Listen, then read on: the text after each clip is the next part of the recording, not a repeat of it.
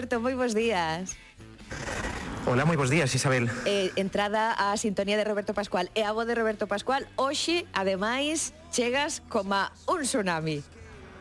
Como un tsunami, é porque ese é o título eh, desta peza de Marcos Abalde que se acaba de editar, acaba de sair en Difusora de Letras, Artes e Ideas.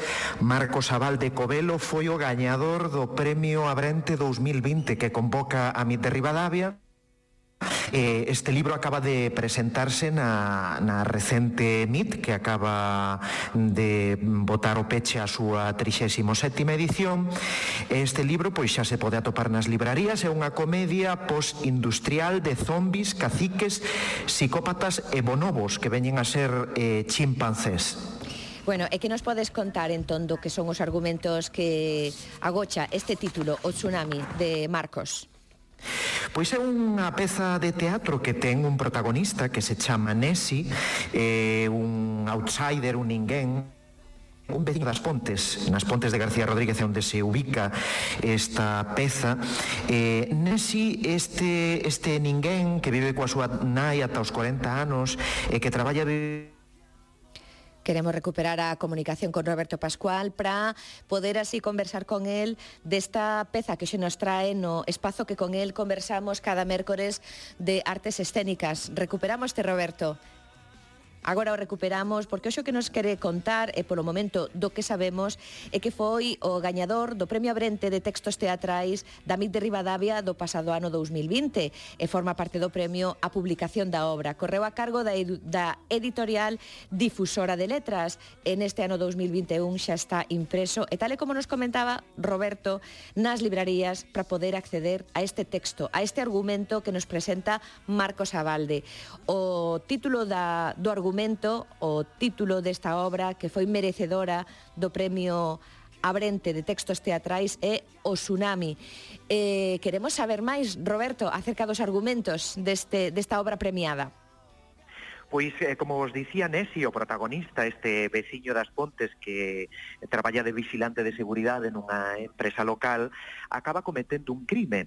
Eh, o crime o asasinato dunha ancia que confunde cun cervo nunha das súas noites de vigilancia. Eh, esta peza que mestura pois a cuestión da enfermidade, eh, da enfermidade mental, da contaminación, do sexo, a crítica política, o mundo das drogas, do paro, e da crise económica, pois tamén é unha reflexión sobre a psicopatía e ás veces o oportunismo político, porque realmente podemos dicir que o tsunami é a conversión de Nessi, o protagonista desta peza, nunha figura política, o candidato á alcaldía dese municipio. E aí, pois, eh, na peza, pois vemos como hai unha eh, referencia a unha corrente eh, dramática eh, do Reino Unido dos anos eh, 70 e dos anos 80 que se deben chamar o brutalismo ou tamén a xeración in your face na que sobrancean dramaturgas e dramaturgos como Andrea Dunbar ou Martin McDonagh e que se caracteriza precisamente por esas eh, características que citei antes eh, como o mundo das drogas, do paro, da crise económica, da perversidade eh, pois converten eh, condicionan a unha sociedade, a unha sociedade local a, a certos comportamentos que nos poden parecer uns comportamentos extremos, uns comportamentos eh, brutos, eh, pero que serven aos seus dramaturgos para facer unha crítica política sobre diversos temas, como o racismo, o ecoloxismo ou a sátira política, como é neste caso que fai Marcos Abalde. E, e todo isto contextualizado nunhas pontes que eh, estaban con ese proceso de traducir ese encoro artificial nun lago eh, eh, que, bueno, que hoxe por hoxe diz que é o lago artificial máis grande de Europa, é un pouco nese contexto, nese, nese espazo. Iso é, iso é, a peza sitúase aí a conversión da mina no lago máis grande de Europa. E a partir dese feito, Marcos Aval describe unha peza en sete escenas que ten tamén eh, certa relación, ou a mí me parece que se pode poder, poñer en relación cunha peza de Ibsen que se titula Un inimigo do povo. Nesta obra teatral de Ibsen hai un debate entre o negocio, a economía e o, te, e o turismo, porque se lembramos eh, a obra de Ibsen, eh, o, o seu protagonista eh, eh, está eh, en entre, entre a defensa dun balneario eh, manter ese negocio do balneario pero coas augas contaminadas. Neste caso, descubrimos tamén que o alto contido de sílice e a contaminación da auga do lago das Pontes pois eh, non é impedimento para converter e crear aí pois un porto deportivo e convertelo nun lugar turístico.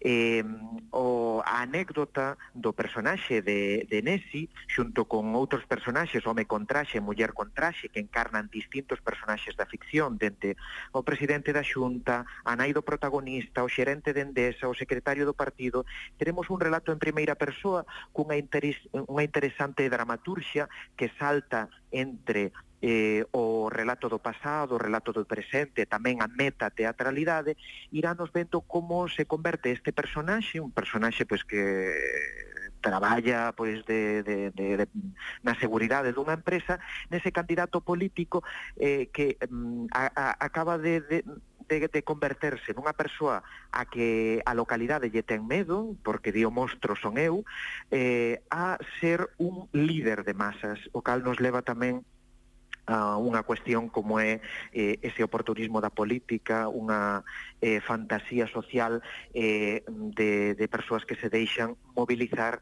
polos intereses máis inmediatos sen ver o longo percorrido que pode ter eh, un proxecto para a súa saúde, para a súa integridade, e eh, aí tamén está o debate ecolóxico da peza. Bueno, pois dende logo hai argumentos para que reciba como así foi o 15º Premio Abrente de Textos Teatrais da Mostra Internacional de Teatro de Rivadavia, que eso foi no pasado ano, que este ano temos a publicación por Editorial Difusora de Letras, Artes e Ideas.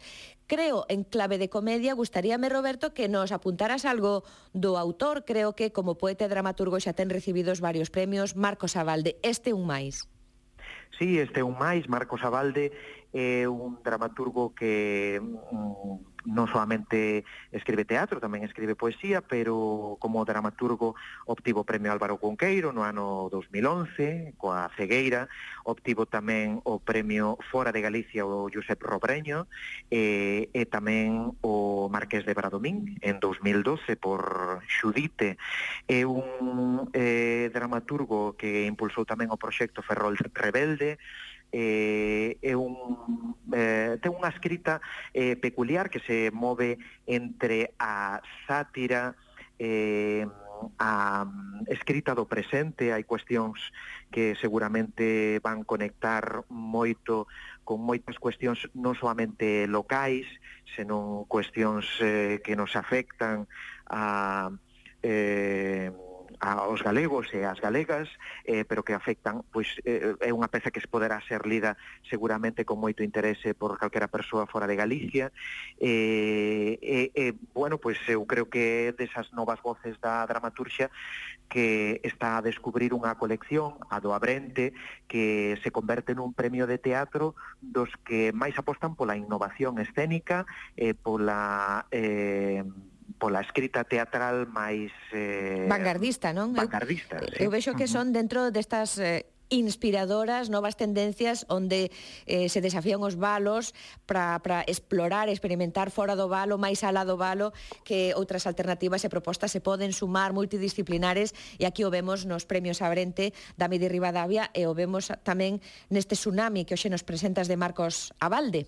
Sí, eh, gustaríame rematar cunha pequena cita que di o home con traxe para que vexades o interese agora que estamos no mes de agosto de ler eh, estas pezas, descubrir as nosas dramaturgas, os nosos dramaturgos e eh, tamén reflexionar un pouco sobre o noso contexto eh, en, en diversos ámbitos. Di o home con traxe, o que até hai pouco semellaba inimaginable, agora é posible. A humanidade pode construir volcáns de aceiro, traer carbón de Indonesia, inaugurar praias artificiais. Cada vez que vexo este lago, teño a certeza de que representa un anaco de ceo na terra. E este ceo é o noso, só noso. Declamaba como un homero pro proletario este nesi local que de outsider, de persoa esquecida, acabou sendo aupada a alcalde da súa vila. Así soa, Tsunami, obra de Carlos Aval de Covelo, editado por Difusora de Letras, Premio Abrente 2020 David de Rivadavia, na voz do noso comentarista de Artes Escénicas, Roberto Pascual. Grazas, ata o vindeiro mércores. Ata o vindeiro mércores.